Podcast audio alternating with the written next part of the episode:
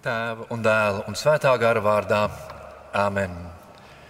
Esiet visi sirsnīgi sveicināti šajā mūsu valsts svētku dienā Rīgas domā, un tie, kas skatās, sveicieni jums no Rīgas doma. Šodien mēs svinēsim, lūgsim Dievu, klausīsimies Dieva vārdu. Šajā dienā es gribu arī nodot jums īpašu sveicienu no arhibīskapa Jāņa Vanaga, kurš savas slimības dēļ nevar būt klāt, jo viņam jābūt izolācijā. Bet mēs svinēsim un priecāsimies par to, ka mums ir sava zeme, sava valsts. Lasījums no 23. psalma. Kungs ir mans gans, man netrūks nekā. Zaļās ganībās viņš man gulda, pie rāmiem ūdeņiem viņš man ved, man dvēseli atveldzē, vada mani pa taisnības ceļiem savu vārdu dēļ. Pat ja es iešu pa nāves ielai, ļaunumu nebīšos, jo tu esi ar mani, tavs zīles un spieķis drošina mani. Tu saklāji galdu manu naidnieku priekšā, ar eļļu tu svaidi manu galvu, mans kaus plūst pāri. Patiesi, dāsnums un žēlastība man pavadīs. Es pārnākšu kunga namā uz mūžu. Gods lai ir tēvam, dēlam un svētajam garam, kā bija sākumā, tā tagad un vienmēr un mūžīgi mūžos. Āmen! Izsūdzēsim Dievam savus grēkus, lai no tiem atbrīvotu ar pateicību, varam svinēt šo dievkalpojumu. Vispēcīgais Dievs, tas ir žēlīgais Tēvs. Es nabaga grēcinieks, tev sūdzu savus grēkus, ar ko es esmu apgrēkojies domās, vārdos un darbos. Bet es tos no sirds nožēloju, un tie man gauži sāp un es tevi lūdzu, tavas lielās apžēlošanās un tava mīļā dēla Jēzus Kristus, mana pestītāja rūkto ciešanu un nāves dēļ. Esi man grēciniekam žēlīgs, piedod man visus grēkus un dod man savu svētā gara spēku, ka var atgriezties. Āmen! Visus spēcīgais Dievs ir apžēlojies par mums Jēzu Kristu, un viņa dēļ piedod mums visus mūsu grēkus un dod žēlastību, ka atgriežamies un iemantojam mūžīgo dzīvību.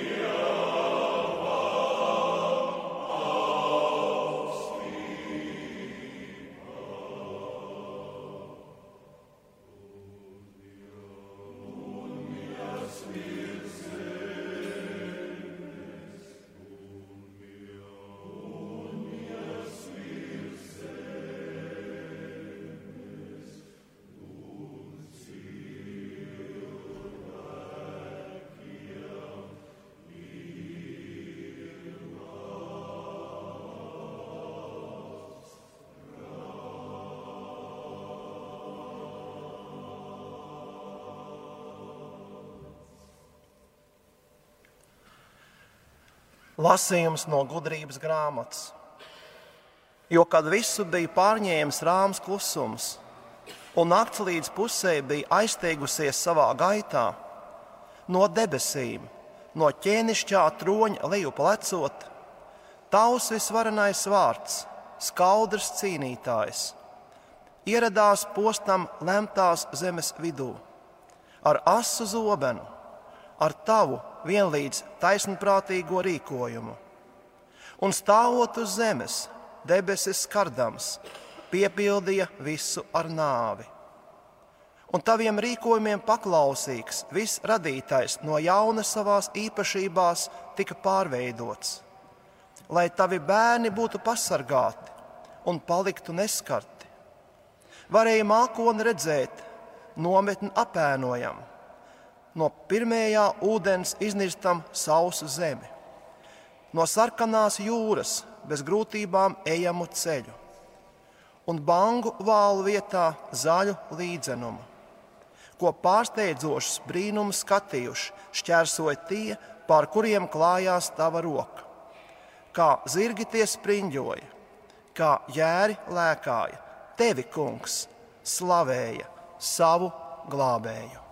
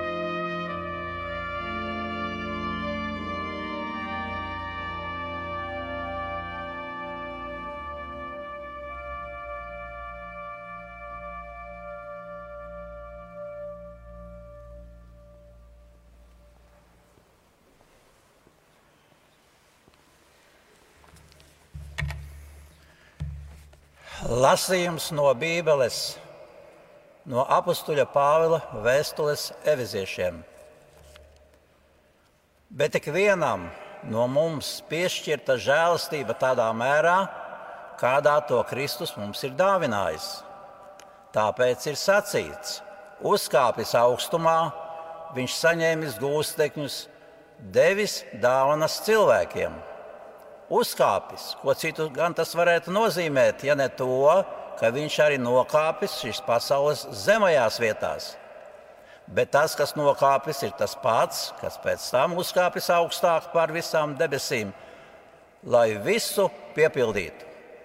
Viņš arī devis citus par apstuļiem, citus par praviešiem, citus par evaņģelistiem, citus par ganiem un mācītājiem, lai svētos sagatavotu kalpošanas darbam, Kristus miesāja par stiprinājumu.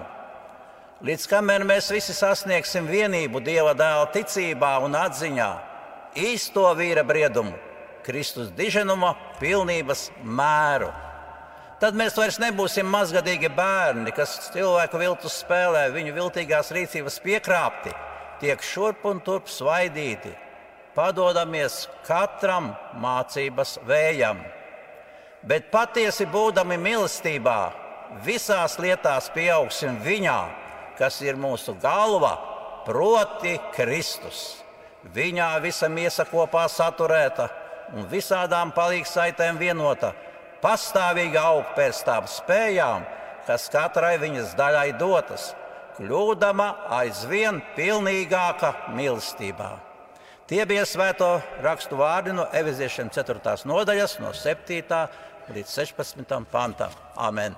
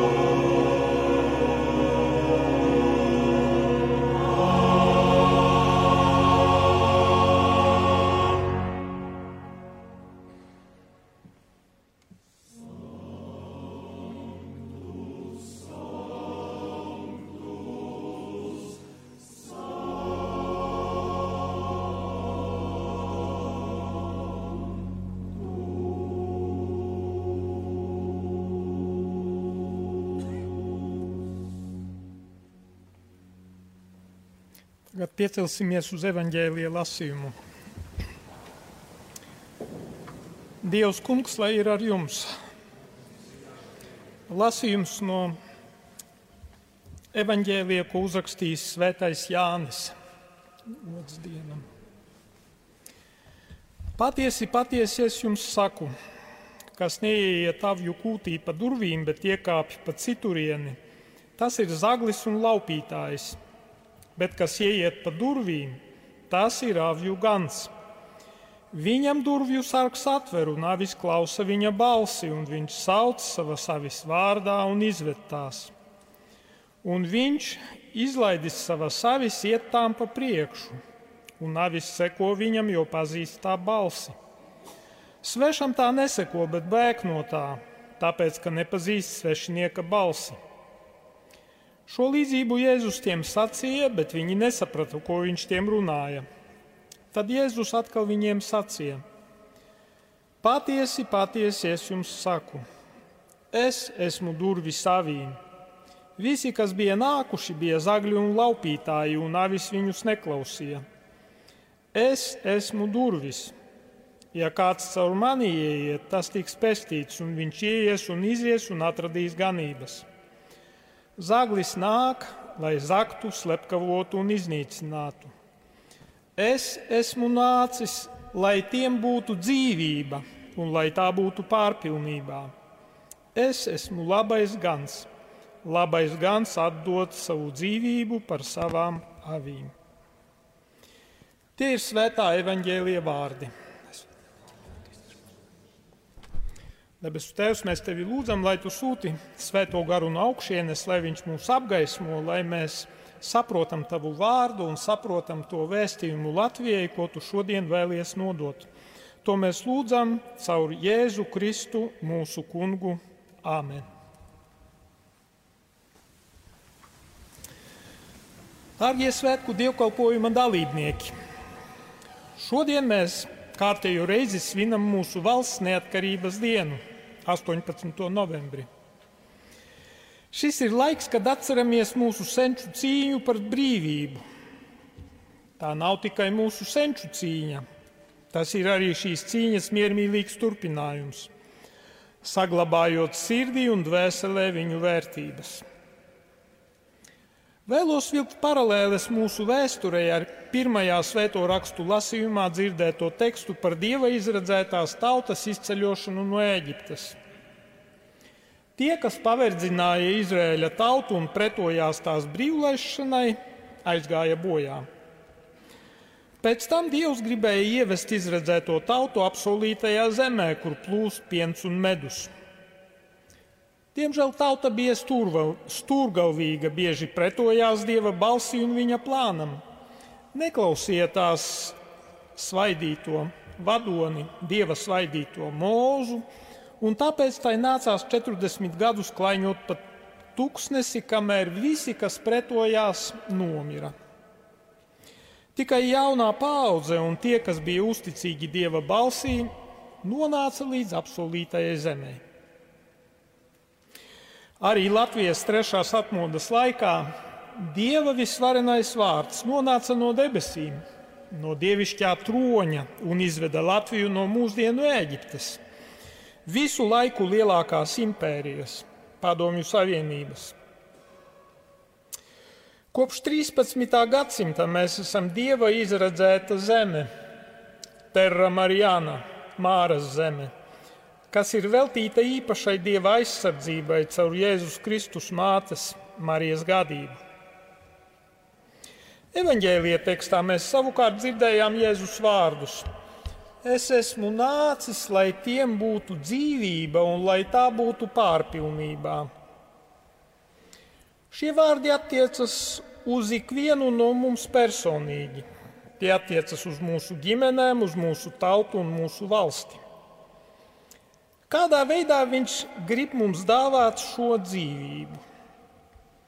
Nosacījums ir, lai jāvis klausa viņa balsī. Un ko viņa balss šodien saka? Kur ir atslēga dzīvības pārpilnībai un ko nozīmē šī dzīvības pārpilnība? Ik viens cilvēks meklē laimi. Diemžēl, kā izrādās, bieži vien šī laime tiek meklēta, kur tās nav. Lai neapmaldītos savos laimes meklējumos un atrastu patieso laimi, ir jāsaprot cilvēka daba. Tā ir trīs galvenās eksistences dimensijas Pirmā ir fiziskā, jeb miesīgā, tad ir mentālais līmenis un visbeidzot gara sfēra. Katram līmenim ir savas vajadzības. Pirmajam tas būtu galvenokārt ēdiens, dzēriens, siltums. Otrā līmeņa vajadzības apmierina sociālā un kultūras sfēra. Gara vajadzības tiek apmierinātas, kad cilvēks atveras dievišķajai realitātei un sāk miedarboties ar to. Lai cilvēks būtu laimīgs, viņam ir jāparūpējas par visa līmeņa vajadzību apmierināšanu. Tātad šeit ir vajadzīga integrāla pieeja. Ja sakoncentrējamies tikai uz vienas konkrētas vajadzības apmierināšanu, atstājot novārtā pārējās, tad patiesu laimi neatradīsim. Nevelti apustulis Pāvils raksta, mantkārība ir visa ļaunuma sakne, un tai ļaujoties, daži ir novērsušies no ticības un nodarījuši sev daudz sāpju. Gluži otrādi pieredze rāda, ka dāsnam cilvēkam, kurš palīdz citiem, aug pašcieņa un pašvērtējums. Viņu parasti novērtē un cienā arī sabiedrībā. Tātad viņš ir laimīgāks. Svētais Jānis Pāvils II, kurš 1993. gadā ir uzrunājis tautu arī šeit, Doma baznīcā, nevienreiz vien ir atkārtojis, Cilvēks var sasniegt pilnību ne citādi, kā vien nesautīgi ziedojot pats sevi. Lai paskaidrotu, ko tas nozīmē, ir jāpiesauc palīgā tāds jēdziens kā kopīgā labuma princips. Kopīgais labums savā pirmajā un plaši lietotajā nozīmē ir to sabiedriskās dzīves apstākļu kopums, kas ļauj pilnīgāk un vieglāk attīstīties gan grupām, gan to atsevišķajiem locekļiem. Tātad, rūpējoties par kopīgo labumu, mēs nodrošinām ikvienam mūsu sabiedrības loceklim viņa personības vispusīgas attīstības un uzplaukuma iespēju. Tātad gan fiziski, gan mentālajā sfērā, gan arī garīgi. Tas pats attiecas arī uz ģimeni un dažādajām cilvēku apvienībām un struktūrām. Sabiedrība, ja tā visos līmeņos vēlas patiesi kalpot cilvēkam, par savu galveno mērķi izvēlas kopīgo labumu. Tas attiecas uz visiem sabiedrības locekļiem. Neviens nav atbrīvots no sabiedrības. Proti, no tā, lai atbilstoši savām spējām piedalītos tā veidošanā un attīstībā. Kopīgais labums prasa, lai tas aptver ikvienu sabiedrības locekli, nevis tiek īstenots daļēji, kādas atsevišķas sabiedrības daļas, piemēram, valdošās partijas, tās finansētāju, vai arī kāda ekonomiskā grupējuma, jeb citas šauras cilvēku grupas interesēs. Atbildība par kopīgā labuma sniegšanu gulstas gan uz atsevišķajām personām, gan uz valsti, jo kopīgais labums ir politiskās varas pastāvēšanas jēga. Lai nodrošinātu kopīgo labumu, katras valsts valdībai ir īpašs pienākums taisnīgi saskaņot dažādu jomu intereses un pareiza grupu un individu īpašo labumu harmonizēšana ir viens no sarežģītākajiem valsts varas uzdevumiem. Tomēr sabiedrības kopīgais labums nav pašmērķis. Tam vērtība ir tikai saistībā ar personas galīgo mērķi, kas tiešā veidā jau sniedzas garasfērā un visas radības kopīgo labumu, Te parādās arī ekoloģijas aspekts, tā visplašākajā nozīmē. Tā tad gan dabas, gan cilvēka un tā gara ekoloģija. Dievs ir savu radību galīgais mērķis, viņš ir alfa un omega. Viņš ar savu vārdu ir radījis visu, un dzīves beigās ik viens sastopas ar viņu. Svētie raksti skaidri pasaka, ka šī pasaule ir pārējoša, laiku beigās tā tiks pārveidota, un tad mēs skatīsim Dievu vaigu vaigā. Tāpēc kopīgajam labumam nekādā gadījumā nedrīkst atņemt tā transcendento aspektu, kas pārsniedz vēsturisko aspektu, bet vienlaikus to piepilda. Ja skatījums būtu tikai vēsturisks un materiālistisks, kopīgais labums tiktu pārvērsts par vienkāršu sabiedriski ekonomisko labklājību bez jebkāda transcendenta mērķa. Tas ir par bez tā pastāvēšanas dziļākās jēgas un pamata. Līdz ar to garīgās cilvēka un visas sabiedrības vajadzības netiktu nodrošinātas, un gala rezultātā laime tā arī paliktu kā neizsniedzams sapnis, sabiedrībā vienīgi pieaugot tukšuma un neapmierinātības sajūtai. Bet kā nonākt līdz kopīgā labuma iedzīvināšanai mūsu sabiedrībā? Nu, katoliskā baznīca šeit piedāvā sinodālā jeb kopīgā ceļa pieeju. Pēc pāvesta Franciska ierosinājuma šīs pieejas iedzīvināšana aizsākās 2021. gada oktobrī visā baznīcā. Sākumā draugu un biskupu līmenī, Pēc tam rezultāti tika apkopoti nacionālajā un kontinentu līmenī. Un šī procesa kulminācija ir biskupu sinode, kura notiek divos etapos. Pirmais tikko noslēdzās 30. oktobrī Romā, tas ilga veselu mēnesi. Otrais ir paredzēts nākošā gada oktobrī. Tā kā esmu bijis iesaistīts visos šī procesa īstenošanas etapos, tad vēlos jums pastāstīt to, kas notika Romā un kāds ir šī sinodālā jeb kopīgā ceļa procesa mērķis un arī darba metode. Šī bija mana jau piektā vispasaules biskupu sinode, kurā piedalījos. Un šoreiz neparasts bija jau pats sinodas iesākums. Tā bija lūkšanu vigīlija Svētā Pētera laukumā 30. septembrī. Tajā piedalījās brālīgie delegāti no citām konfesijām, austrumu baznīcu patriarhu un dažādu konfesiju vadītāju līmenī, piemēram, Konstantinopoles pareizcīgais patriarhs Bartolomejs, anglikāņu Kenterberijas arhibīskaps Justins Velbijs, Pasaules metodistu padomes prezidents Parks Jongčuns no Dienvidkorejas un daudzi citi. Un mani pārsteidza, ar kādu atdevi tā no visas sirds viņi lūdzās par to, lai Dievs svētī šo sinodi, lai svētais gars to vada.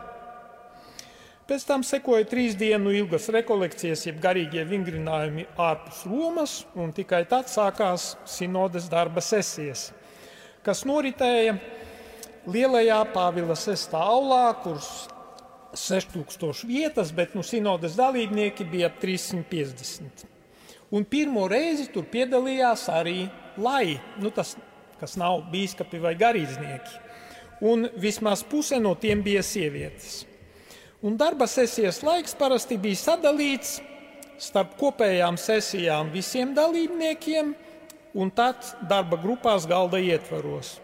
Un kas bija interesanti, ka visi gribētāji tika uzklausīti, un tika dota iespēja arī radikālo uzskatu paudējiem. Cieņpilna uzklausīšana, nepārtraucot runātāju, bija viens no sinodes darbības pamatprincipiem. Un tagad vēlos pateikt arī, kā noritēja darbs jau valodu grupās. Katrā etapā tādu bija pieci. Ik viens grupas dalībnieks sākumā tika aicināts noprezentēt savu četru minūšu garo vēstījumu par apskatāmo tēmu. Tas bija pirmais aplis. Tad bija klusuma brīdis lūkšanai, personīgām pārdomām. Otrajā aplī ikvienam bija jārēģē uz to, ko viņš bija dzirdējis no pārējiem, kas viņu īpaši uzrunājis, aizskāris vai izraisījis pretestību. Tad sekoja pauze, un noslēgumā, jeb trešajā aplī, mums bija dots uzdevums mēģināt atrast kopsaucēju, izveidot kopīgo grupas viedokli par doto jautājumu, jeb tēmu. Un pārsteidzoši bija tas, ka mūsu grupā vienmēr beigās nonācām pie kopsaucēja.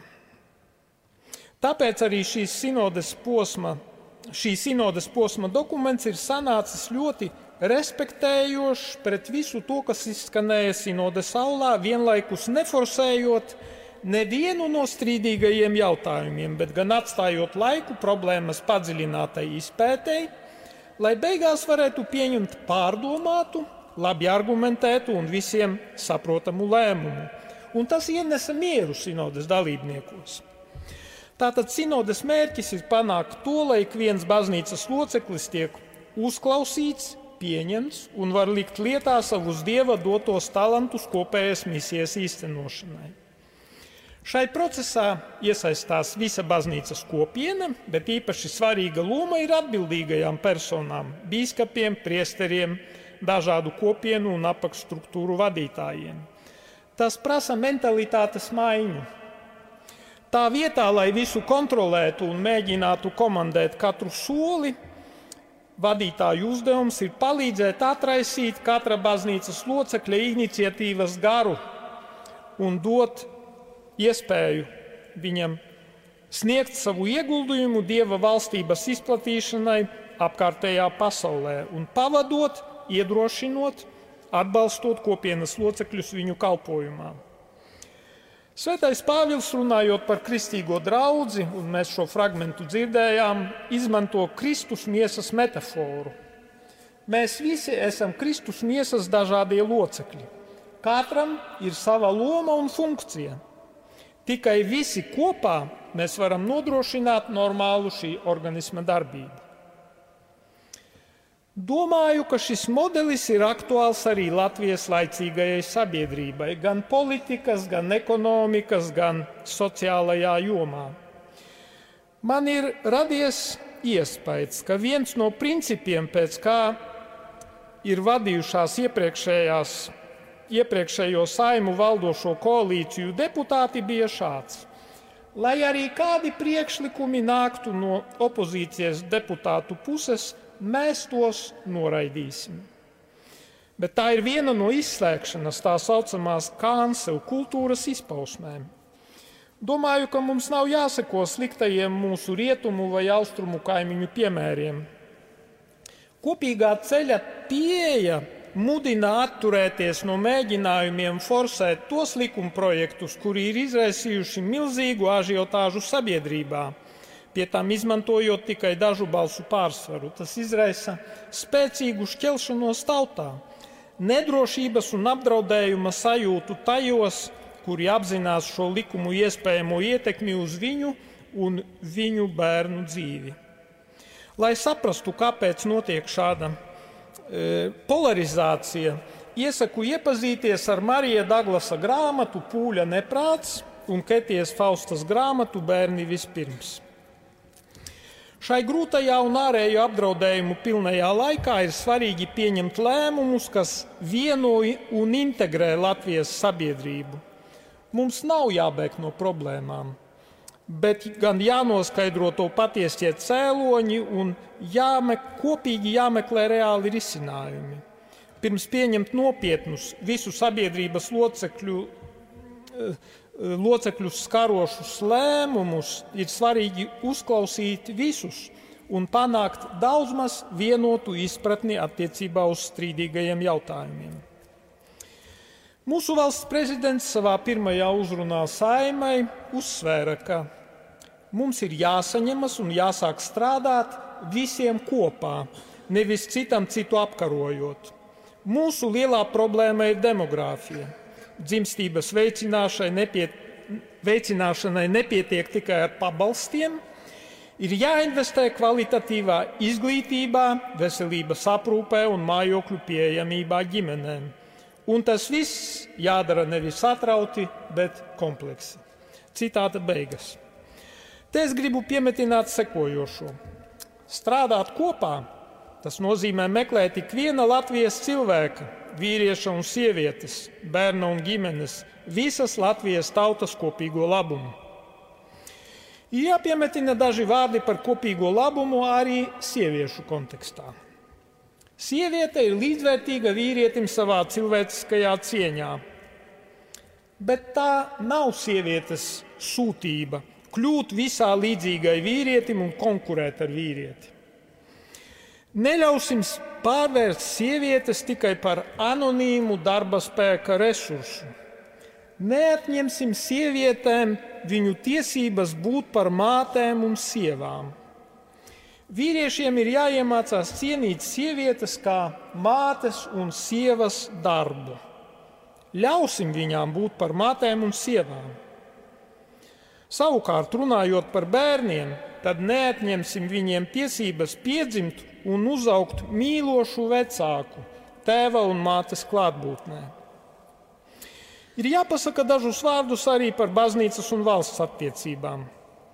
Ir svarīgi, lai valsts struktūras un, un it īpaši politiskās partijas neuztver baznīcu kā konkurentu, baidoties no tā ietekmes sabiedrībā bet gan kā sadarbības partneri, meklējot sabiedrības kopīgo labumu. Baznīcai ir neaizstājama loma cilvēka garīgo vajadzību apmierināšanas jomā. Valsts uzdevums savukārt ir rūpēties par to, lai tiktu nodrošinātas sabiedrības materiālās un mentālās vajadzības. Tikai kopā konstruktīvi sadarbojoties, mēs varam panākt saskaņu un harmoniju sabiedrībā, veicinot laimes sajūtu cilvēkos. Agrāk mums kamertoni uzdeva no Maskavas, tagad to pašu cenšas darīt no dažām rietumu galvaspilsētām. Mēs esam muzikāla tauta. Mēs uzreiz uztveram toni un pēc tam muzicējam uz vietas to pašu melodiju. Bet es piedāvāju kamertoni izvēlēties uz vietas, lai mūsu kamertonis ir ikviena Latvijas cilvēka un visas Latvijas kopīgais labums. Jēzus saka, es esmu nācis, lai tiem būtu dzīvība un lai tā būtu pārpilnībā. Klausīsim viņa balsi lai šī pārpilnība varētu ienākt mūsos, mūsu ģimenēs, darba vietās un visā mūsu tautā. Dievs svētī Latviju, Jaunava Marija, Māras zemes aizbildne, iestājies savā dēla priekšā par Latviju un tās tautu, lai šie Jēzus vārdi mums kļūst par dzīvu realitāti. Āmen!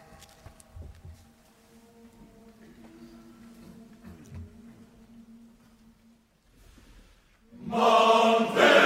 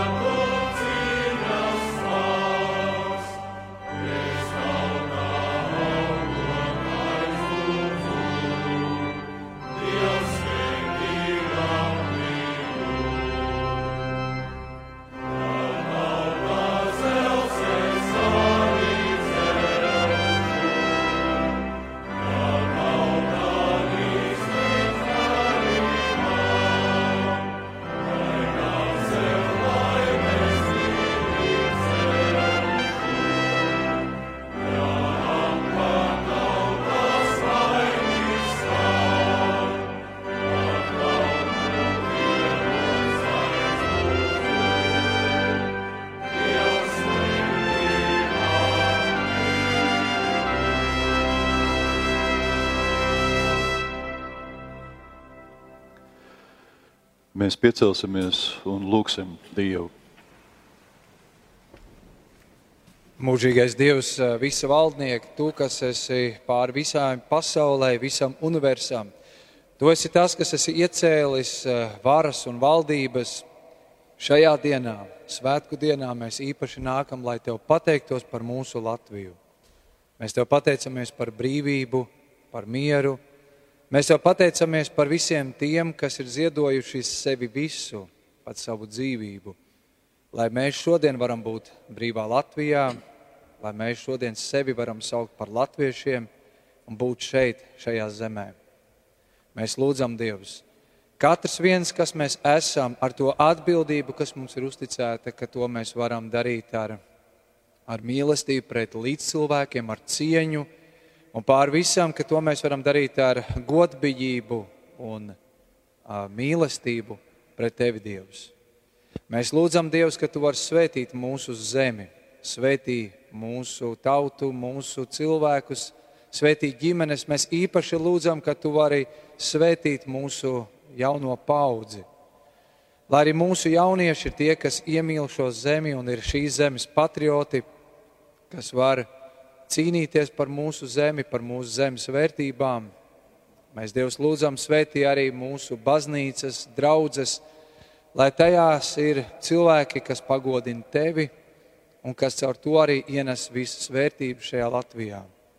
Mēs Dievs lūdzam, ka tu vari gādāt par mūsu zemi, par mūsu tautu. Veicini mūsu tautas labklājību, bet pāri visam lai ar visu, kas mēs esam un ko mēs darām, mēs pagodinām tevi. Tu lūdzam Kristus vārdā. Āmen. Debesu Tēvs, mēs Tev lūdzam, lai pasargātu mūsu Latvijas valsti, mūsu prezidentu, saimu, valdību, armiju un visu mūsu Latvijas tautu no visa ļaunā, lai mēs taptu izglābti no visam bēdam, bardzības un nelaimēm. Stiprini, kungs, mūsu dzimteni Latviju, dod mums vienotību, neļauj, lai rodas savstarpējas nesaskaņas ļaužu vidū, pēc kultūras, ticības, tautības, valodas piedarības. Palīdzi mums ieklausīties vienam otrā. It īpaši mēs lūdzam tevi par kara beigšanos Ukrainā un Svētajā zemē.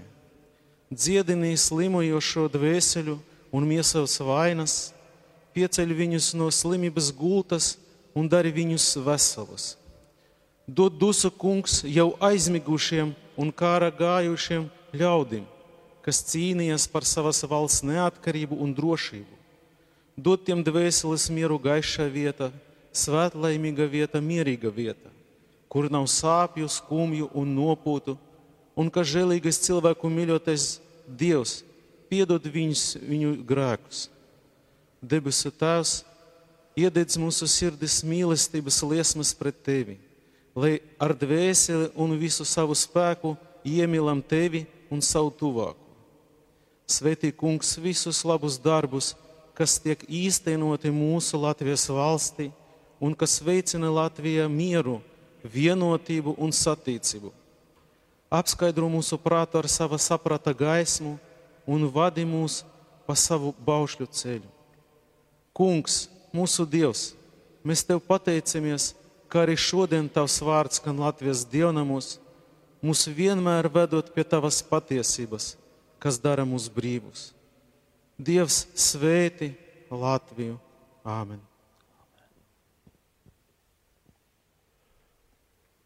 Ticīgo aizstāvis un cerība. Kristus mūsu Dievs, Tava svētā un goda krusta aizgādība, glāba mierā un sargā savu tautu un Latvijas republiku. Glāb un atbrīvo no redzamā un neredzamā ienaidnieka.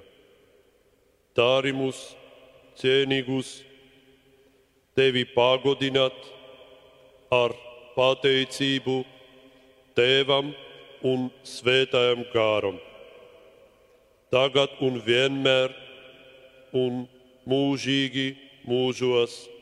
Āmen! Dievs, mēs tevi lūdzam, svētī Latviju, vadi to un pasargā to no ļauna. Esam sanākuši šai dievnamā, lai aizlūgtu par savu tautu. Dievs, svētī Latvijas tautu, vadi to, pasargā to no ļauna. Kungs, mēs esam nākuši tavā priekšā, lai lūgtos viens par otru. Atver mūsu sirdis, lai tajās ieplūst pārliecība par tavu žēlastību un tavu mīlestību. Dod mūsu sirdīm savu mieru. Mēs nākam tavā priekšā un lūdzamies, lai ta, tava gara dvēsma izplūst caur mūsu būtni un attīra mūs no miesas, prāta un jūtu sārņiem, ka varam pacelties gara augstumos un izjust tavu žēlastību, mīlestību un spēku. Ļauj mums būt kā atvērtiem traukiem, kuros ieplūst tava gara gaisma. Ļauj mums staigāt taisnības ceļos, apskaidro mūsu prātu, lai mēs atšķiram labu no ļauna. Vadi mūs un ļauj mums izvēlēties gaismas un taisnības ceļus. Kungs, mēs nododam sevi tavās rokās. Izlieto mūs kā instrumentus savas gribas izpausmē šīs zemes virsū. Mēs nododam tavās rokās savu zemi un valsti.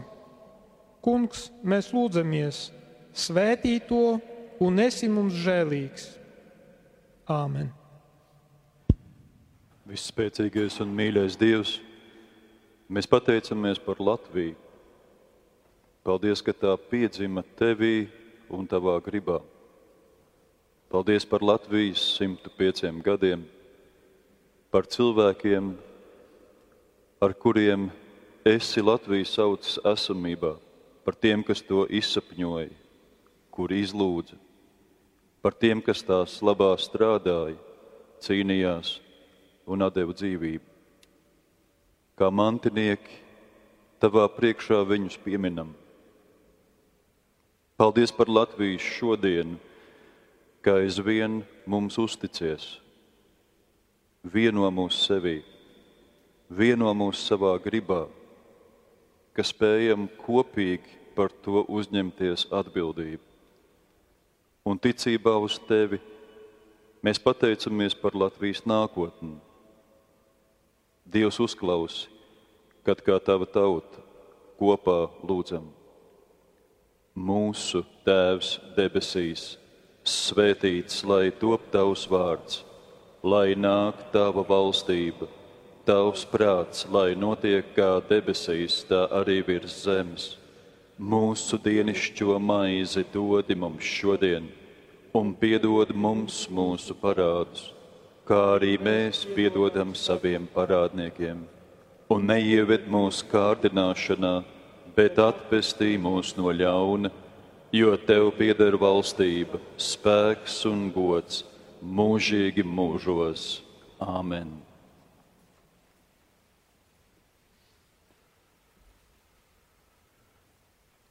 Tas kungs jūs svētī un pasargā. Tas kungs apgaismo savu vaigu pār jums un ir jums žēlīgs. Tas kungs paceļ savu vaigu uz jums un dod jums savu mieru. Dieva tēva un dēla un svētā gara vārdā.